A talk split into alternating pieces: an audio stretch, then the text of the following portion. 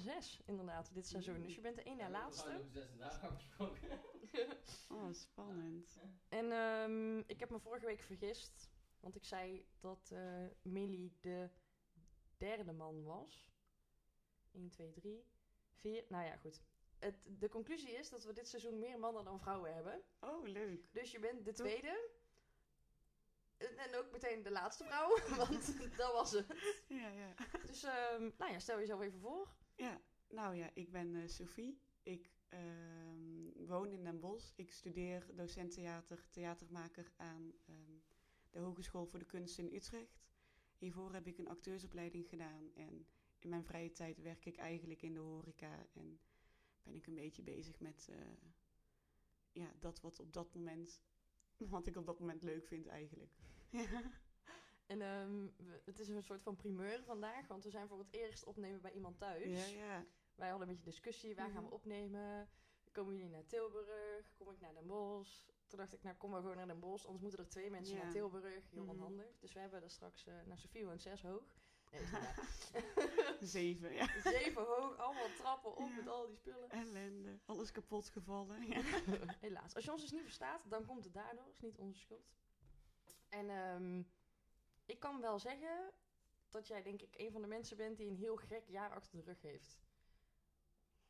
Ja, ja, de laatste anderhalf jaar zo ongeveer. Ja.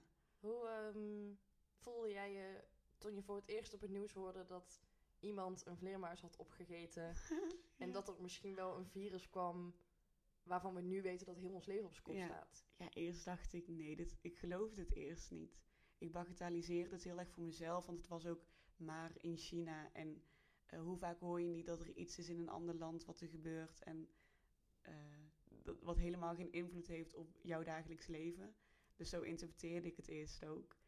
Maar achteraf kwam toen ze dan naar Italië en eh, was ik nog aan het werk en ik weet dat een van mijn collega's iets zei van ja, ik ben echt heel bang.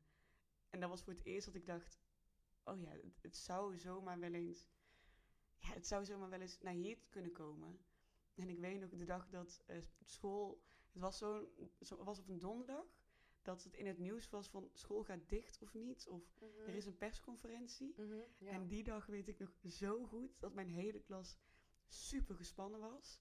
En iedereen was ook een beetje boos op elkaar en er werd alleen maar naar elkaar gesnauwd. En toen in de avond kregen we bericht dat de scholen dicht gingen en het voelde echt surrealistisch. Het voelde echt als een, als een droom bijna. Mhm. En toen ehm studeerde jij opeens theater, Op de computer. Ja. wat heel gek is, lijkt me. Want Ja. ehm, ik wilde zelf ooit musicalster worden. Nu moet je niet gaan vragen, Jan, kan je zingen? Nee. Oh. Maar ik wilde dat gewoon heel graag. Ja. En, eh, maar wel heel veel ook in theaters gespeeld. En ik denk dat zeker bij, ehm, bij kunst in het algemeen gaat het Mhm. echt om gevoel. ja. En achter je laptop werkt dat niet. Nee joh, nee, nee, theater is er letterlijk ehm, een eenheid van tijd, handeling en, ik vergeet er één, tijd, handeling en actie geloof ik. En dat heb je niet op een laptop, want de handeling die je uitvoert is niet op dezelfde locatie als eh, oh tijd, handeling en locatie, dat is het. Eh, de handeling die ik uitvoer is niet op dezelfde locatie als waar mijn publiek is. Dus het medium is er niet meer. Letterlijk is het film geworden. En daar heb ik me niet voor ingeschreven toen ik begon met studeren. Ja, dat was echt heel. eh, ja, ja, ik denk dat ik ook voor heel veel andere studenten spreek. Dat ik heel vaak heb gedacht van ik ga ermee stoppen. Want dit is niet waar ik, wat ik wil of wat ik kan. Wilde je als eh, klein meisje actrice worden? Eh, nee, eigenlijk niet. Nee, ik ben er heel gek ingerold. Ik was, ik heb altijd gedanst, heel fanatiek, van mijn vierde tot mijn eh, achttiende zo ongeveer. Nou ja, ja, 18e, 19, 20 ongeveer. En ehm, ik kwam op een of andere manier bij muziektheater terecht. En dat was wat meer spelen. En mijn moeder is al docent theater. En mijn oma die heeft veel gespeeld. Dus het, zat er wel een beetje in. Maar eh, ik ben ook nooit echt ehm, in aanraking geweest met theater tot mijn vijftiende. Want toen dacht ik, ja, oud hè? En toen dacht ik, eh, nou, wat, kan mij het schelen? Ik ga op toneelles. En dat is me toen zo goed bevallen dat ik het jaar daarna, toen ik 16 was en toen ik ook eh, in mijn eindexamenjaar zat een theatervooropleiding heb gedaan. En toen via die vooropleiding naar mbo-theater. En vanuit het mbo nu naar het hbo. En dat is eigenlijk begonnen vanuit een, oh, dat lijkt me wel leuk. En ik heb het nooit niet meer leuk gevonden. Ik zeg wel eens tegen mensen van, uh, ken je dat gevoel dat je wakker wordt en denkt, oh, ik heb echt zin in pannenkoeken? Nou, ik eet dus echt al fucking lang pannenkoeken als ontbijt. Het is gewoon heel, het is ehm, een heel mooi vak. Laten we daar uh, mee beginnen. Um, en toch terugkomend op corona, hm. omdat ik deze pittige vraag aan veel mensen wilde stellen, maar hem bewaard heb voor jou. Um, jij kwam thuis te zitten en jouw branche stortte in. En uh, nou, we hadden het er net al even over mhm. voordat we begonnen met opnemen. Dat er, uh, nou, wij zitten net in de leeftijdscategorie dat je of mensen hebt die studeren of mensen die al een baan hebben. Mm. Ja, jij kwam thuis te zitten achter je laptopje. En mensen om jou heen hadden eigenlijk nergens last van. Um, waar ik naartoe wil, is dat je dus eigenlijk lijnrecht tegenover elkaar komt te staan met mensen in je omgeving. Mm uh, ik vond dat heel moeilijk. Uh, zeker omdat ik net stage was gaan lopen in de zorg. Mm En opeens ja, ja. was ik het zorgmeisje. En um, ook over vaccinaties en dergelijke had ik best wel een sterke mening.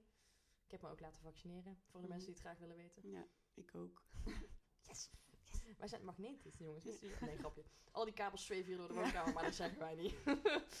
en ik denk dat um, er een vooroordeel is geweest mm -hmm. van ja, die mensen die muziek doen, theaterevenementen, die hadden maar een vak moeten leren. Ja.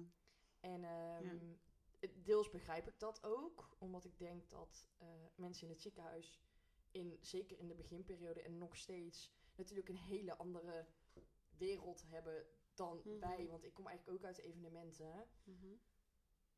En achteraf dacht ik, ja leuk. En al die livestreams. Mm -hmm. En alle films die we kijken. En alle series. En alle spelletjes die we spelen. En boeken die we lezen. En het is allemaal entertainment. Um, nu is de conclusie van dit hele lange verhaal. Deze hele lange opbouw. Met heb je...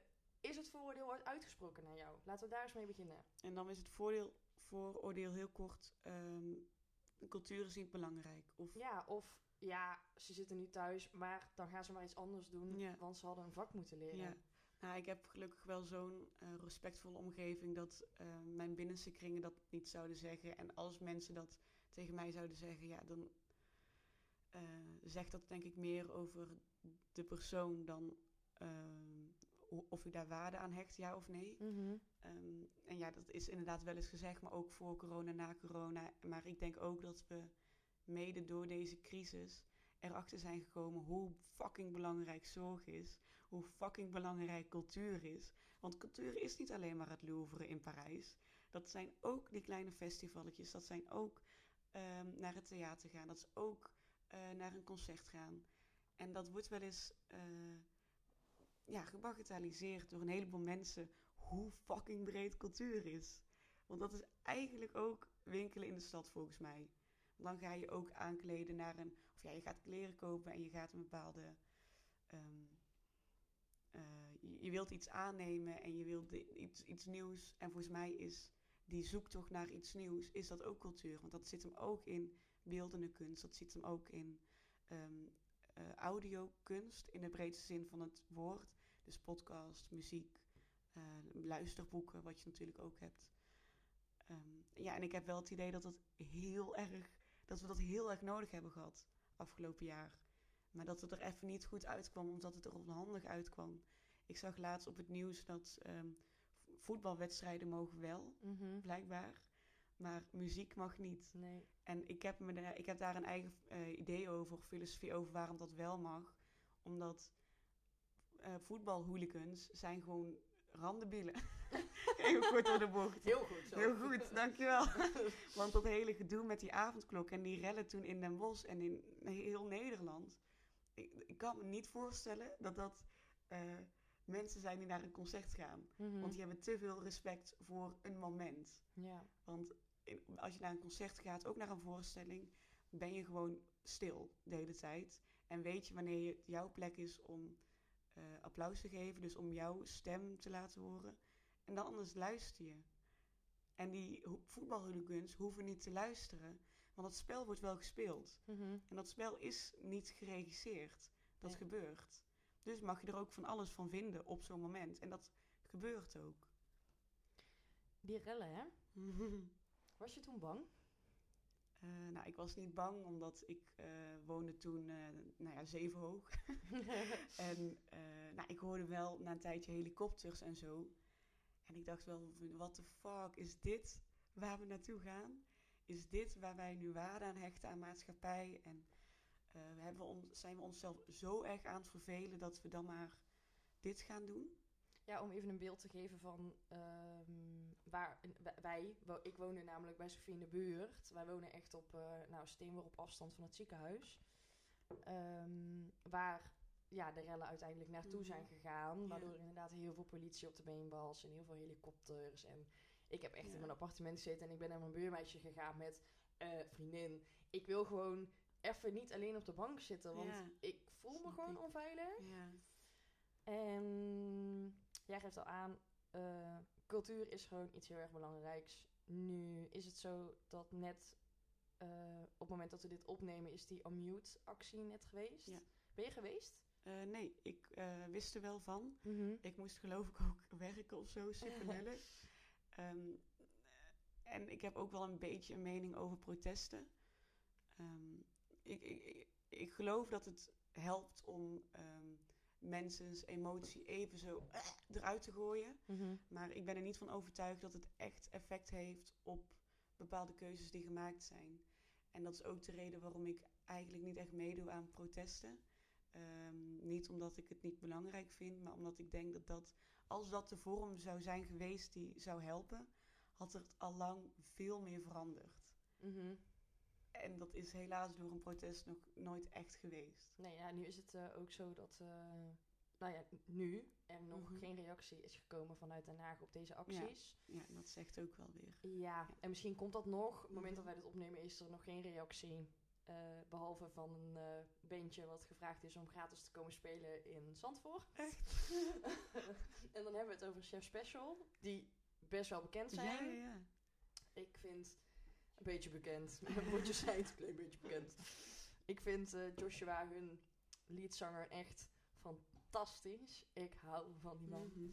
En Mhm. eh, hij zet een filmpje vandaag of gisteren op Twitter Mhm. met... Ze hebben ons gewoon gratis gevraagd, man. Wat Toen dacht ik, wat? Huh? Ehm, als we jou zouden vragen... Hé, hey, eh, Sof, ja, we hebben een soort van eh, dingetje... Mhm. En eh, wil je dan niet even regisseren voor niks? Mhm. Want eh, exposure. Ja. Wat zeg jij dan? Nou ja, ik had daar gisteren toevallig met vrienden over. Dat, ehm, ja, we zijn dan nu aan het studeren, maar ik ben ook al wel richting het einde van een studie aan het gaan. En heb ook al wel, zeg maar, een diploma waarop acteur staat. En we hadden het dan over, ja, wanneer ga je dan geld vragen? Want eigenlijk zo snel mogelijk. Want anders is dat eh, normaal in contact dat je ehm, ja, het gratis doet. En ik, ik moet ook gewoon mijn huur kunnen betalen. Mhm. En ik heb nu nog eh ome Duo die dat heel lief voor me doet. En ik heb ouders die me financieel helpen. En ik heb een, een baan in de horeca. Maar voor de rest ehm, moet ik het ook maar bij elkaar sprokkelen. En ik heb ook gewoon een mega studieschuld. Want ja, wie niet? Ja. Eh, ja, en het is uiteindelijk gewoon wel waar ik mijn geld voor moet gaan verdienen. En ik mag daar volgens mij best wel wat strenger in zijn om daar het onderwerp geld in wat voor werkrelatie, vriendschapsrelatie, romancerelatie. Ik vind dat niet echt een probleem. En ik heb het idee dat heel veel mensen dat heel erg eng vinden. Mhm. Ja, ik ga nu niet zeggen hoeveel spaargeld ik heb, maar snap je, stel wij gaan naar een restaurant en jij zegt ja, ik zit eigenlijk net iets te krap. eh, dan, nou, dat lossen we dan, dan dat wel op, toch? Ja. Of stel, er is ooit een situatie dat wij op vakantie zouden gaan en op, op dat moment kom je erachter dat je een ehm, boete moet betalen. Nou, dan lossen we dat dan ook wel op met, met geld. Ik vind dat zo... eh volgens mij moet daar veel transparanter over gecommuniceerd worden. Zeker. Om problemen juist uit de weg te gaan. Mhm.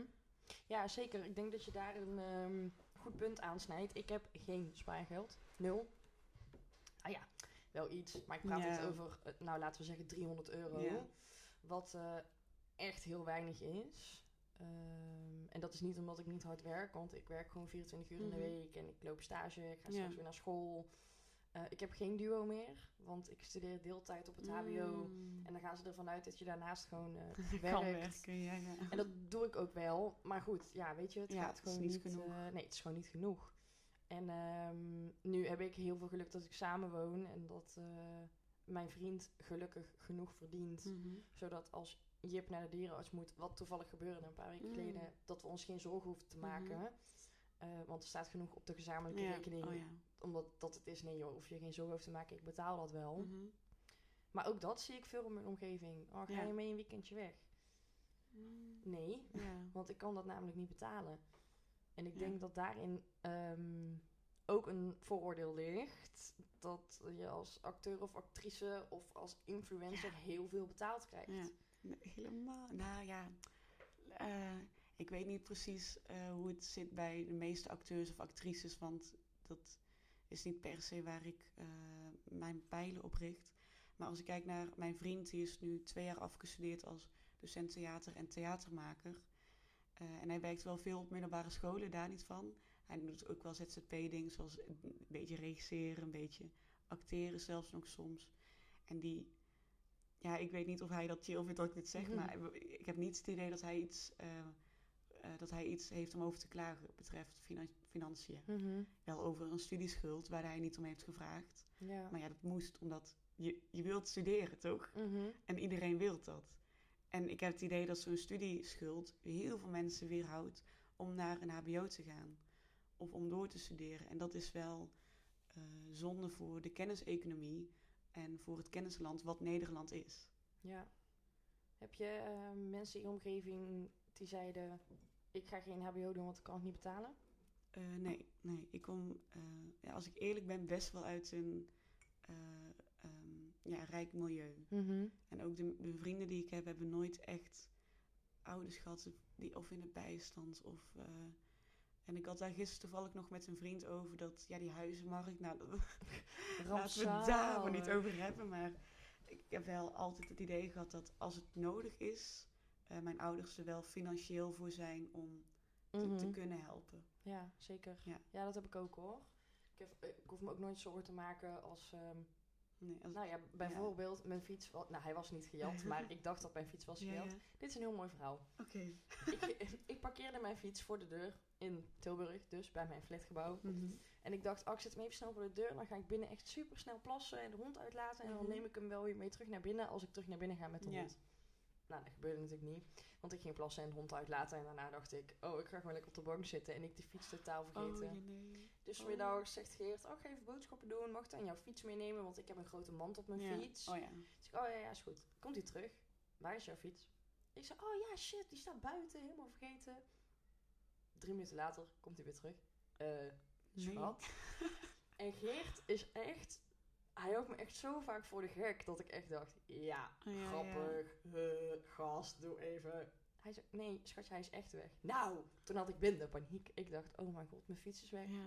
En nu, ehm, ook omdat ik gewoon eigenlijk geen geld heb voor een nieuwe fiets. Dat Nee, vind ik ook zo ook zo duur. geld of zo. Dat ik dan denk, ja, ik moet een fiets hebben, dat weet ik ook wel. Maar ik wil mijn geld aan andere dingen uitgeven dan aan een fiets. Hou op hoor. Nou goed, toen had ik het geluk dat eh, wij hele goede oplettende buren hebben die mijn fiets nou echt 50 meter van mijn huis af weer hebben gevonden. Oh. Want die valt nog wel op, er zit een grote roze mand op. Het is een beachbike. Ja, Ja, ja. ik denk dat degene die me gejat had gewoon dacht... Oké, deze fiets is zwaar en valt op. Ik laat hem hier staan. dus toen had ik gelukkig wel weer een fiets. Maar toen zeiden mijn ouders ook... Ja, maak je geen zorgen. Hadden wij van jou een nieuwe fiets gekocht. Het is maar een fiets. En dan Ja. denk ik, ja, maar... Waardoor dingen wel Ja. in een soort van... Ja, je bekijkt natuurlijk je hele leven vanuit een ander perspectief. Het is ook Mhm. wel fijn dat je nog Ja. je ouders hebt... om dan, die dan even zeggen... Hey, hey, rustig. schatje, het komt ja. echt wel goed. Ja. Maar ik denk ook, want ik herken zeg maar deze stress van, oh, kut, mijn fiets is weg en ik moet daarvoor zorgen. En ik, ik herken dat ook wel in een soort altijd alles goed willen doen. Mhm. En ik heb dan de verantwoordelijkheid over alleen een fucking fiets. Als zelfs, dat lukt niet. als zelfs dat zeg maar niet haalbaar is, wat, hoezo ga ik ooit goed voor mezelf kunnen zorgen? En ook, ook tegenover mijn ouders wil ik dat dan... Ik wil ze ergens ook eh, laten bewijzen dat ik het goed doe. Of dat ik Mhm. het wel kan. Dus ook stel, ik zou in een financiële put zitten of eh inderdaad mijn auto of mijn fiets wordt gestolen. Ik zou dat natuurlijk wel zeggen, maar ik zou wel ervan balen van, ah, het is me niet gelukt. En ik wil Mhm. zo graag dat het wel lukt. Of zo. Eh, maar het is grappig dat jij dit noemt, want jij bent nog best wel jong. Ja. Ja. Ja. Vertel eens even hoe oud je bent, Sophie. Eh, nou ik word op het moment van opnemen over twee dagen 22. Dus eh, dan is ze al 22 Ja. als dit online Ja. staat. En eh, nu ehm, moet ik zeggen dat ik denk dat als mensen jou zien, dat ze dan je sneller jonger inschatten. Ja. Maar als ze jou alleen horen en ook in de manier waarop je praat en hoe slim jij bent en ook hoe gefocust op je studie, maar ook een vaste relatie, een huisje. Ja. Ja, jij bent echt geen 22. Nee. Hoe Ja. kan dat? ja, het is zo gek dat ik inderdaad, ik zie er vrij jong uit, maar eh, nou, ik werd laatst dus op mijn werk, dat is even een side story. Ehm, ik werk dus nu met best wel veel op, in de horeca met jonge meiden van ja, 16 Mhm. en een puberbrein. Iedereen denkt dat een puberbrein goed leeftijden in kan schatten. En kinderen, kinderen kunnen dat gewoon niet. nee. Dat komt echt pas rond je twintigste dat je goed leeftijden kan schatten. Ehm, dus ik vroeg aan zo'n meisje van... eh, want ik had het idee dat zij dacht dat ik veel ouder was dan dat ik was. En ehm, toen eh, vroeg ze van... "Joh, wacht even, hoe oud denk je eigenlijk dat ik ben? Toen zei ze zo... Ja, 30. En toen Oh. dacht ik... Wat? Kreng! nou ja, Maar jij ziet er ook echt niet uit als 30, maar ik snap wel wat je bedoelt. Dat je dan denkt, nee. Ja, en ik, ik had het 30. inderdaad ook over, over mijn werk eh, of mijn stage op de middelbare school. Dus zij dacht, oh, ze is gewoon docent. Ja. En nou ja, even een, misunderstand, maar ja, toen werd ik opeens 30 geschat. Nou, die kwam wel even binnen. Zo grappig. Ehm, maar mijn vraag blijft Oh ja, staan. ja, met hoe kan het dat je... Nou, mijn moeder zegt altijd, dit is een wijze les van mijn moeder, dat ik eh, een oude ziel heb. Mijn moeder is, er- die is echt niet spiritueel, echt niet. Maar die is er heilig van overtuigd dat ik al een keertje geleefd heb. Ja. Ehm, zeker als kind kwam dat wel veel naar voren. Nou goed, ik zal alle spirituele zweverige even achter me laten. Ehm, maar ik herken dat ook wel in Ja. jou. Ja. En ik denk dat ik niet de eerste ben die aan jou vraagt... hey, zo, hoe Ja, kan het eigenlijk dat, dat? jij zo volwassen bent voor jouw leeftijd? ja, ik heb, eh, ik denk dat het ligt aan twee dingen. Ik heb altijd heel goed, eh, ik wist altijd heel goed wat ik wilde. Eh, ook als kind, ook in de puberteit en ook nu. Ehm, dus ik, ik, ja, ik, natuurlijk hecht ik wel waarde aan personen of materialen. Maar stel, er is een, een vriendschap of een liefdesrelatie of iets anders... waarin er te vaak dingen gebeuren die mij niet aanstaan... ja, dan ga ik weg. Mhm. Met alle respect naar de ander, maar ik heb een bepaalde manier waarop ik behandeld wil worden. En ik ga daar niet me aan aanpassen aan iemand. Echt nog niet misschien. En ik denk ook dat het ligt aan. Ik heb ook wel een beetje een, eh, een gekke jeugd gehad met een eh, bijzondere relatie naar mijn vader. Mijn ouders zijn uit elkaar gegaan. Eh, met veel gedoe en ehm, eh, ook geen contact meer met hem. eh, al, al een tijdje niet meer. En ik denk ook wel dat dat nou, een factor speelt in de opvoed, op, in je eigen cognitieve ontwikkeling. Mhm. Ook als kind van acht, maar ook als volwassene van, ja, volwassene. Iemand van 22. en ehm, ben je enigst kind? Nee, nee, Want dat nee. Lijkt me ook wel... eh, want heb je, hoeveel broers en zussen heb jij? Ja, dat is altijd een beetje lastig. Ja, ik heb eh, mijn echte broers, ik heb één tweelingzus. En Huh? één, Echt? ja, ja, Nou, dit wist ik helemaal niet. ja, nou ja, ze is er echt, ja. Wat grappig. Ja, en nou ja, ik heb dus één tweelingzus en één echte broer. Dat zijn mijn echte broers en zussen. Mhm. Dan heb ik nog een veel jonger halfzusje van eh 10 jaar. En dan heb ik nog twee stiefbroers van 28 en 30. Oké, dus dat is een flinke... Ja, ja bij elkaar is dat wel zo eh, lekker veel. Ja. Ehm, we hadden het daar straks al over het verschil tussen eh, leeftijdsgenoten. ja. En ik gaf jou het voorbeeld met... eh, nou, ik ben 26. De ene helft van mijn vriendinnengroep zit op Tinder. Mhm. En de Ja. andere helft heeft baby's. Die Mhm. allemaal mega schattig zijn. Al, Mhm. Allemaal van die dikke Ja. wangen en heerlijk.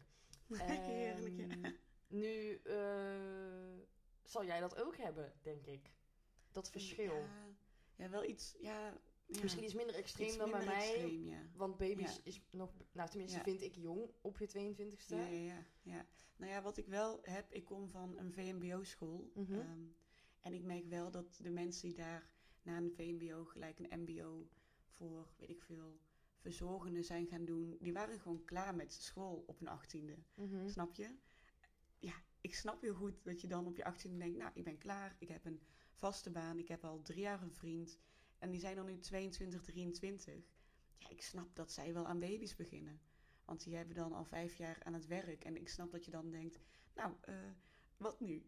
Dus, ik ben, Nemen we een hond of een ja, baby? of een baby. Wat, eh, wat heb jij zin in, schat? ja.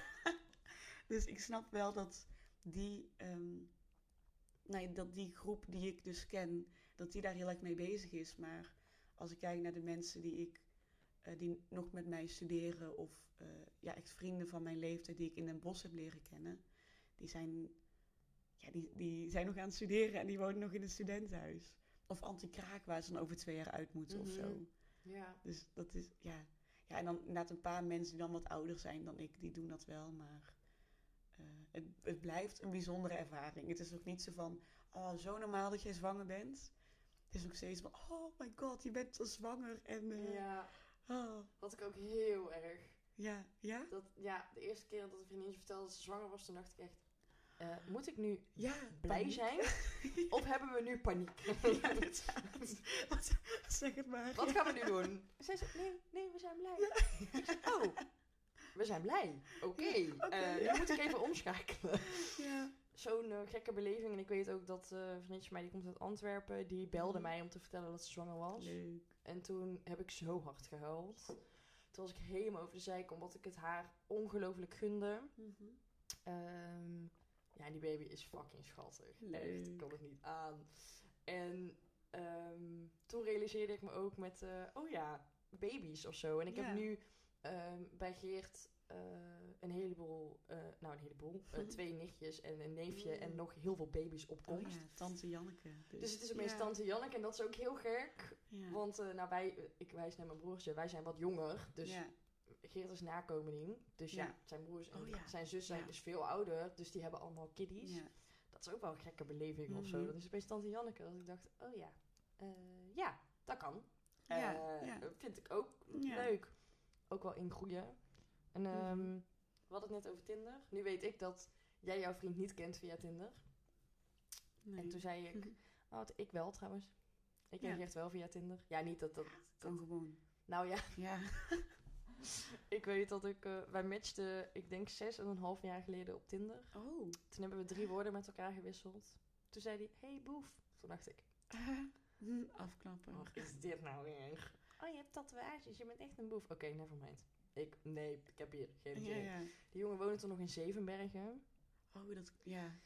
Tering ver. Dat ik echt dacht, ja, gast, dat is helemaal bij Ja, daar nog ja. voorbij. En, eh, en ik zat toen op stage in Amsterdam. Dus ik dacht ook, Oh, ja, Dat is helemaal niet op de route. zo. echt helemaal niet. En toen kwam ik heel veel tegen op feestjes en zo is dat balletje gaan rollen. En ehm, ik vind Tinder nogal iets. En Ja. zeker omdat jij zo jong bent, maar je hebt al een vaste relatie. Hoe kijk jij daar tegenaan? Überhaupt Ja, dating apps. Ik noem Tinder Ja. omdat dat in ja mijn de populairste. was, is populairst. Maar je hebt ook Bumble. Ja, ken ik. Ja. Moet dan de vrouw eerst praten? Of is dat weer- is dat Bumble? Ja, weet ik niet. Ja.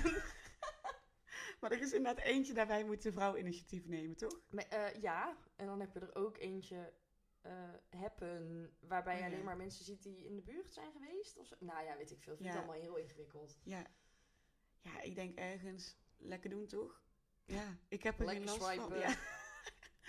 ja, ik heb er geen last van. En ik vind het eigenlijk wel, zeker het afgelopen anderhalf jaar, een heel goed platform om mensen te leren kennen. Mhm. Ja, ik heb, ja.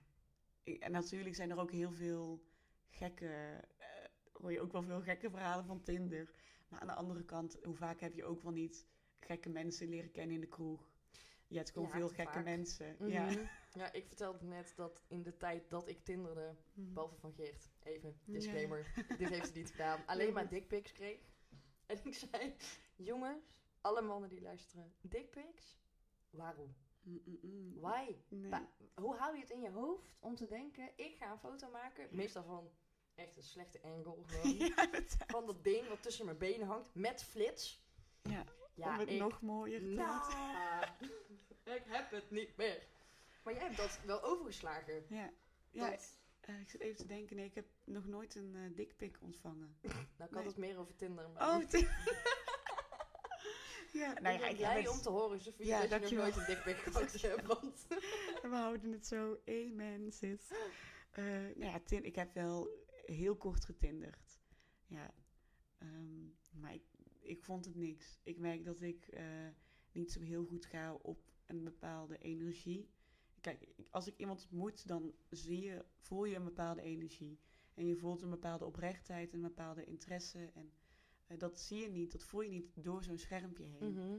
Dus ik, ik zou willen dat ik het kon hoor. Daar niet van. Zo lekker ook vrienden of zo leren kennen via Mhm. Tinder.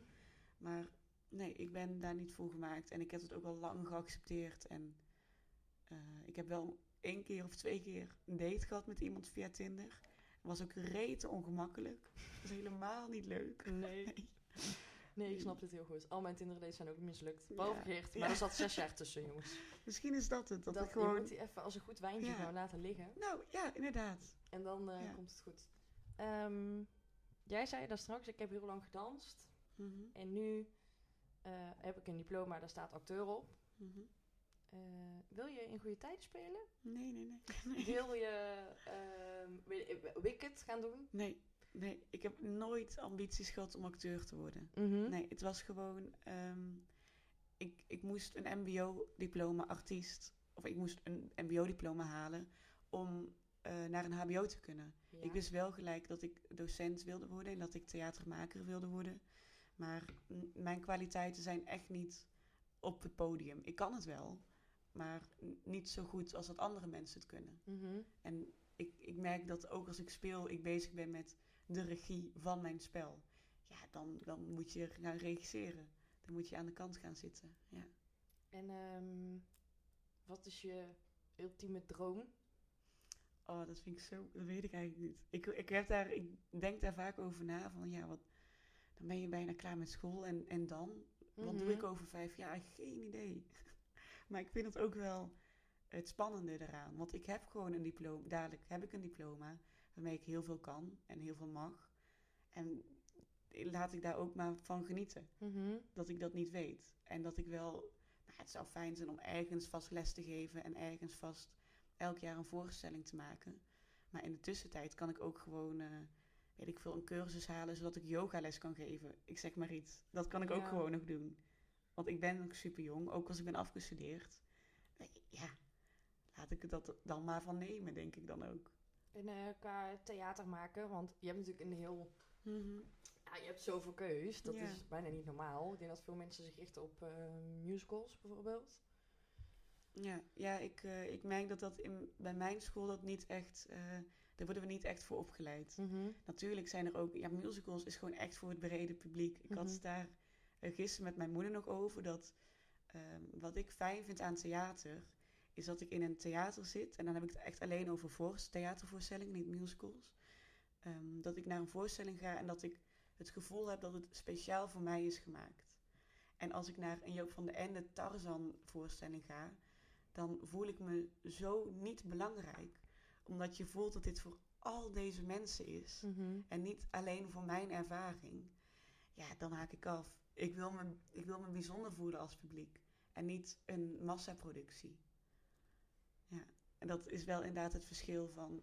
Althans, ja, het is ook gewoon letterlijk een andere discipline. Mhm. Maar wat ik merk aan mensen die musical eh, beoefenen... en mensen die theater beoefenen, zeg maar...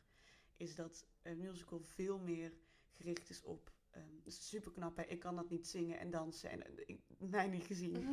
Ehm, maar zij zijn veel meer bezig met het herhalen van de kunst. En theater is veel meer de kunst improviseren. Mhm. Ook als je weet dat er een script is. Ehm, want het publiek is elke avond anders. En het publiek is elke avond kritisch. En als je naar Joop van de Ende gaat, dan weet iedereen, we gaan gewoon een goede voorstelling zien. Ja. Dus dan haalt het er heel veel spanning weg volgens mij. Wat is het allermooiste wat je ooit hebt gezien? Ehm, eh, het allermooiste wat ik ooit heb gezien, eh, ja, dat is, ik weet die, naam niet meer, maar dat was een voorstelling twee jaar geleden volgens mij op de eh, Theaterfestival Boulevard in Den Bosch. En dat ging over ehm, dat schilderij, maar dat weet ik dus ook niet meer hoe dat heet. Ehm, maar dat schilderij dat hangt in het eh, Louvre, is een heel bekend schilderij. En dat gaat over ehm, een vlot. En als je dan zo dat schilderijframe hebt, wat dan vierkant is, zit er een heel duidelijke diagonaal in. En eh, die dia- diagonaal gaat van linksonder naar rechtsboven. En linksonder is er allemaal dood en verderf. En rechtsboven zien ze een reddingsboot. Dus het gaat ook over, is een echt gebeurd, eh, gebaseerd op een echt gebeurd verhaal. Er is een schip gezonken. En er zijn heel veel mensen, niet de Titanic trouwens, heel veel mensen zijn overleden. Jack. Nee, Jack. ik zal maar nou, sorry, vlot.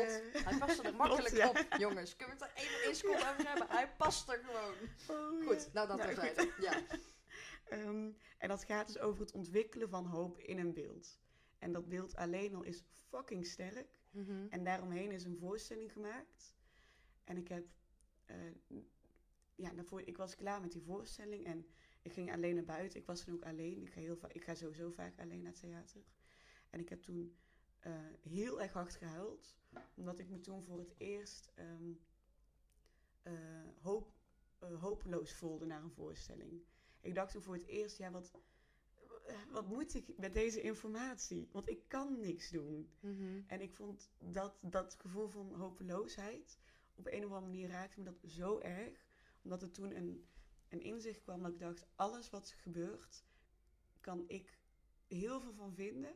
Maar ik ga het niet veranderen. Als, één, als het aan één persoon had kunnen liggen, was dat al lang gebeurd. Mhm. En dat is een inzicht die, waarmee ik nog steeds heel veel, ehm, ehm, die ik nog steeds op heel veel dingen toepas in mijn leven. Wel eh, bijzonder ook dat je super beeldend vertelt. Ja. Dat is natuurlijk ook helemaal jouw vak. Dan ook, eh, wat is het eh allerslechtste waarvan je echt denkt, jongens, Mm. dat dit theater heet, daar begrijp ik niks van. Ja, ik heb helaas meer slechte voorstellingen gezien dan goede. Oh, echt? Ja. Ja, ja. Ja, Ik heb ook wel veel gewoon slechte amateurstukken gezien. Mhm. En ja, gewoon tenenkrommend slecht gespeeld. En eh, dramaturgisch gewoon slordig, niet afgeregisseerd. Ehm, ja, ik- ja. Ja, ik heb ook wel... ja. Ik kan me nu even niet zo snel opkomen wat het dan allemaal was of wat ik dan had gezien. Maar meer slecht dan goed, helaas. Heb je een soort van, ehm, ik wilde gaan zeggen, voorbeeld, als in een acteur of actrice waarvan je denkt, oh ja, die vind ik Ja. echt altijd goed. Of ik kijk al zijn films. Ja, Of, ehm, ja, ik vind Meryl Streep echt bijzonder sterk. Ik had het laatst ook over... Nou, ik heb laatst toevallig eh, de Titanic weer gezien voor het eerst Mhm. in jaren. En toen kwam ik erachter dat Kate Winslet fucking 21 was ja. toen ze die rol speelde. En ik heb, er, ik heb daarna een eh, film van haar gezien, The Reader, die ze ook... ja. Ja, Heel mooi. Heel mooi. Oh ja, Maar janken. Echt, oh. ja, janken. Maar ook echt gewoon sterk gespeeld. Dus ik vind Kate Winslet ook wel echt... eh, ja, Een kleine Leo. Ja, Die is gewoon heel mooi. Een hele mooie band, nog steeds. nog steeds. Ja, ja. Ja, ook, ja, onze Leo. ja, Onze Die ook. Leo. ja, die ook, ja. En ehm, qua Nederlandse acteurs? Ja, ja ik kan eh, Georgina Verbaan echt niet uitstaan. Mhm. Ehm, ik vind haar heel typematig en altijd hetzelfde. En ze verrast me echt nooit. Nee. Eh, de cliché Caries van Houten, natuurlijk speelt ze goed. Maar dat is ook een beetje de, de hoek waarin we haar hebben gestopt, geloof ik. Mhm. Van Caries van Houten speelt gewoon goed. En punt. Ja. Heeft natuurlijk ook Eh, veel buitenlandse producties gedaan. ja, Zowel precies. film Dus- als theater. En, ja. eh, ja. Dat ik bijna denk dat telt niet meer als Nederlandse actrice of zo. Mhm. Ehm, ja, even denken, welke acteur vind ik echt, welke Nederlandse acteur vind ik echt goed? Ehm, oh ja, het is niet per se eh, een acteur, maar het is een cabaretier. Mhm. Eh, Hans Steeuwen vind ik heel... eh, Ja, love him. ik heb eh de Joker gezien Mhm. en ik denk dat hij de enige Nederlandse acteur is die dat ook zou kunnen spelen. Ja. En volgens mij is de Joker zo'n bizarre rol. Mhm. En ik denk dat hij dat als enige kan, omdat het zo gelaagd is en je moet zoveel tegelijk doen. Ja, zeker. En hij is geloof ik echt zo. Wat Mhm. ook wel een beetje typematig is. Maar volgens mij kan hij daardoor ook heel goed spelen. Ja, nee, ja. Het is gewoon een hele... Hij is gewoon heel grappig, laten we Ja. ja. ja, ik kan me voorstellen. En als je kijkt naar eh, bijvoorbeeld... eh, ik weet niet of je Mokromafia hebt gezien. Eh, nee, nee, niet gezien. Want dat zijn natuurlijk wel de nieuwe, jonge Ja. acteurs. Ja, die ja. ehm, helaas soms wel foutjes maken. ja. Laten we het daar niet over hebben. Ehm, ik denk dan, eh, dit zijn de straatschoffies, man. Ja? Die zijn niet opgeleid, Ja? Bij En bij Mokko Mafia. bijvoorbeeld. Ja. Maar bij heel veel Nederlandse series worden natuurlijk meisjes en jongens gecast. Ja, Of alles wat daartussenin zit. ehm, die geen opleiding hebben. ja, ja. En dan dat, denk ik, eh, oeh. Ja, ja dat, dat merk je wel. Ik, ken, eh, ik was laatst toevallig een serie aan het kijken. En daar, ehm, nou, ik, dat is niet om arrogant te doen, maar ik ben nu wel een beetje op het punt in, in mijn, mijn loopbaan dat ik mensen op tv en series begin te herkennen. Mhm. Dat ik denk, hé, daar heb ik, oh, die ken ik, hé, die heb ik, nou, eh, zo. Ehm, en ik merk wel echt een verschil tussen mensen die een opleiding hebben gehad en mensen die dat niet hebben gedaan Mhm. bijvoorbeeld Georgina Verbaan heeft geen opleiding gehad. Ja, daarom speelt ze alleen maar dezelfde type. Omdat Ja. ze het niet anders kan, denk ik. Of misschien kan ze het wel, maar gewoon niet zo goed. Mhm.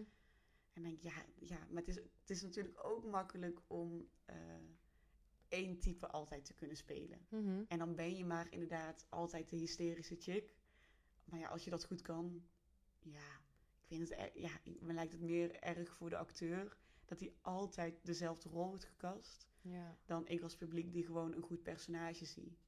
Ja, ja lastig. Moet je talent hebben? Eh, nee, nee. Je moet het wel heel graag willen. Mhm. En heel veel, heel veel opnieuw willen doen. Mijn broer die is, ehm, die is ook 26 en wilde heel graag naar de toneelschool. Zeg maar acteurstoneelschool.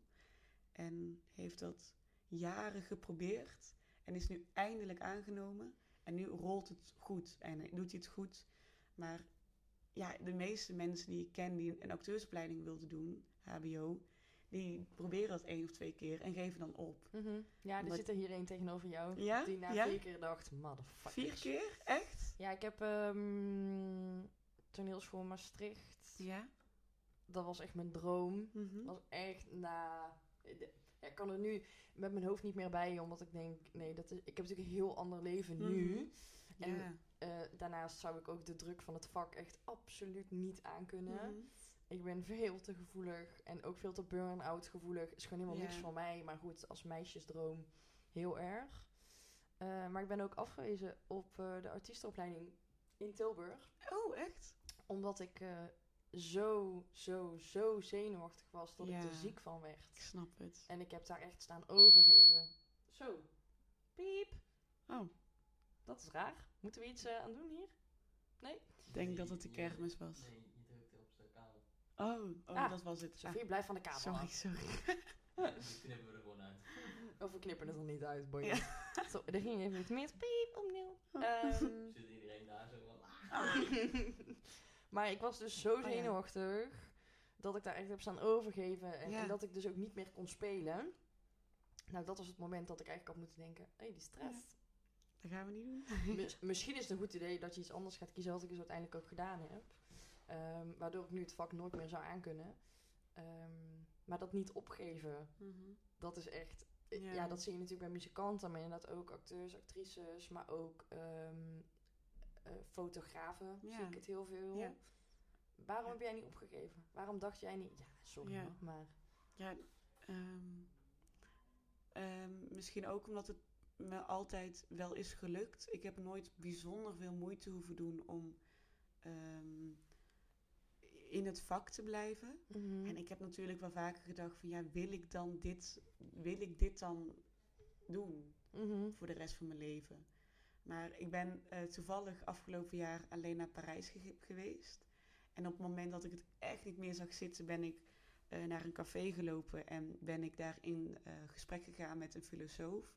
En die zei ook tegen mij van ja, maar ik geloof heel erg dat je om de vijf jaar iets anders moet doen. Mhm. Anders, daar is een mens niet voor gemaakt. Om, de om maar de rest van zijn leven eh, achter de kassa bij de Jumbo te zitten. Ik zeg maar iets. En toen dacht ik, dat- dat was ook zo'n verademing, verademing. Het idee van dat ik dit niet altijd hoef te doen. Mhm. En ik mag stoppen wanneer ik wil. Want ik heb geen verantwoordelijkheid naar zijn school. Helemaal niet. Zou je andere dingen willen? Eh, ja, misschien wel, maar nu nog niet. Nee. Je zegt Ja. niet, oké, ik wil dolfijnen trainster Ja. worden. Of brandweervrouw. Nee, of- als ik dat had gewild, dan had ik dat, dan had ik dat gedaan. Mhm. En niet om eh, arrogant te zijn van dat lukt me. Want ik weet niet of het me had gelukt, want ik heb het nog nooit geprobeerd. Nee. Maar tot nu toe is dat wat ik wilde, is, het, is me gelukt. En ik denk omdat ik daar wel heel hard voor heb gewerkt. eh, ja, heel hard. Ik, heb, ik steek wel heel veel moeite in. En heel veel tijd en aandacht. Ehm, maar ook omdat ik, eh, ja, omdat ik er heel veel uit krijg. Mhm. En omdat ik altijd weet van, oh, dit, dit wil ik nu. En misschien word ik morgen wakker en denk ik, nee, nee, dat wil ik helemaal niet meer. En dat zie ik dan wel weer. En ehm pittige vraag. Ben Mhm. je mentaal stabiel? Ehm, ja, onderhand wel. Ja. Ik heb, eh, ik heb mezelf in het verleden wel heel veel dingen, eh nou niet aangepraat, maar eh, ik ben vrij perfectionistisch. Dus ik wilde heel veel en ik wilde dat dan heel goed doen. Mhm. En natuurlijk ga je daaraan onderdoor, want het kan ook helemaal niet. En toen ben ik in de afgelopen anderhalf jaar, ook wel mede door corona, ben ik achter heel veel dingen van mezelf gekomen. En wat ik dus belangrijk vind in relaties of bij mezelf, of wanneer ik echt moe ben, of wanneer ik rust moet pakken. Of... En toen is er een soort ontspanning gekomen, waardoor ik het veel meer over me heen laat komen. En denk, ja, maar boeien. Het, de, de, de wereld stopt niet als Mhm. ik eh, nu niet naar dat ene feestje ga. Of eh, ik krijg een andere deadline als ik deze deadline niet haal. Of dat is ook wel een beetje de HKU die daarin heel vrij is. Maar ik, ik heb veel meer dingen in perspectief kunnen zien. En dat heeft me wel veel geholpen. En ook eh, spiritualiteit heeft me daar ook wel bij geholpen. Daar ben ik ook wel veel meer mee bezig geweest. En ook om te weten van dit is mijn rust. Oh, dit is mijn rustmoment. En dit is mijn actieve moment. Mhm. En ja, soms mag dat actieve moment langer duren. En die rust mag ook lang duren. Want je weet dat je ook wel eens terug gaat naar dat actieve moment. Heb je FOMO? Ehm, mm, eh, ik, denk het, ik denk het niet, eigenlijk. Nee. Ik merk ook dat eh, ik, ik vroeger veel meer dingen vastlegde dan nu. Mhm. En ik denk dat, want ik was even aan het nadenken. En ik denk dat dat de reden is, omdat ik dus minder dingen vastleg. Dat ik denk, oh, volgens mij is dat wel aan het weg hebben. Mhm. Ja, dus nee, ik denk het niet meer. Nee. En zijn er ehm, dingen waarvoor we jou wakker kunnen maken s'nachts? Behalve pannenkoeken. Oh ja, pannenkoekje. Ehm, ah, vakantie. Oh? Ja, Waarheen? eh, Sicilië. Je bent ook zo specifiek. Ja, ik ben één keer... Dat was de laatste vakantie met mijn ouders. En eh, mijn twee stiefbroers waar ik net over had.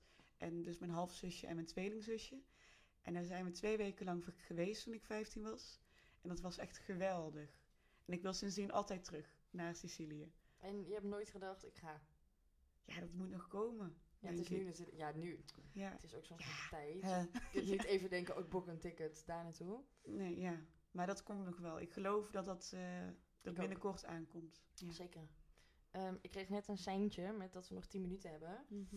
En dat betekent dat ik eh, de laatste vraag ga stellen. Mm. Het is snel gegaan, hè? Ja. Ja. Iedereen zegt altijd, het is een uur, wauw. Het is, eh, maar het gaat altijd super hard. Ehm, ik had bedacht Mhm. dat omdat ik altijd iedereen een uur uithoor over zichzelf, dat de laatste vraag van de podcast is, wat wil je nog over mij weten? En nu is die bij jou, ja, misschien wel een beetje gek, omdat wij elkaar natuurlijk ook eh, al kennen. Mhm. Maar dacht, misschien is er wel iets wat je graag wil weten en wat je nooit hebt durven vragen. Ja. Of wat je gewoon nog niet weet. Dus ik ben wel benieuwd. Ehm, nou, ik ben wel heel benieuwd, aanhakend op jouw auditieverhaal. Eh, ja, vertel, hoe is dat ontstaan? En waarom eh, is er nooit een moment geweest dat je dacht, ik wil weer opnieuw auditie doen?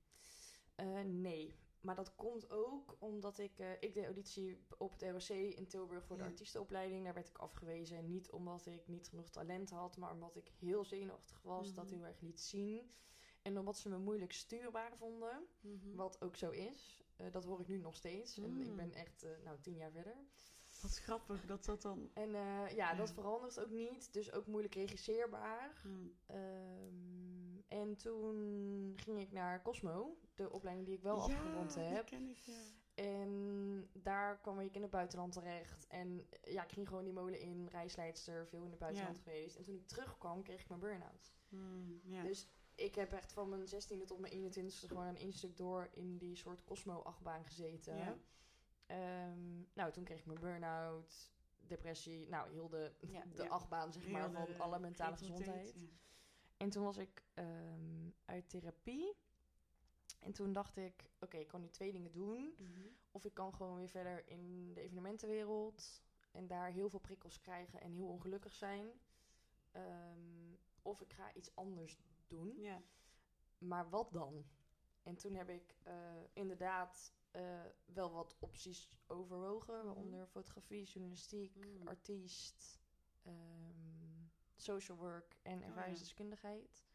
En toen deed ik ehm, nergens toelating, behalve bij ervaringsdeskundigheid. Toen werd ik afgewezen omdat ik te jong was.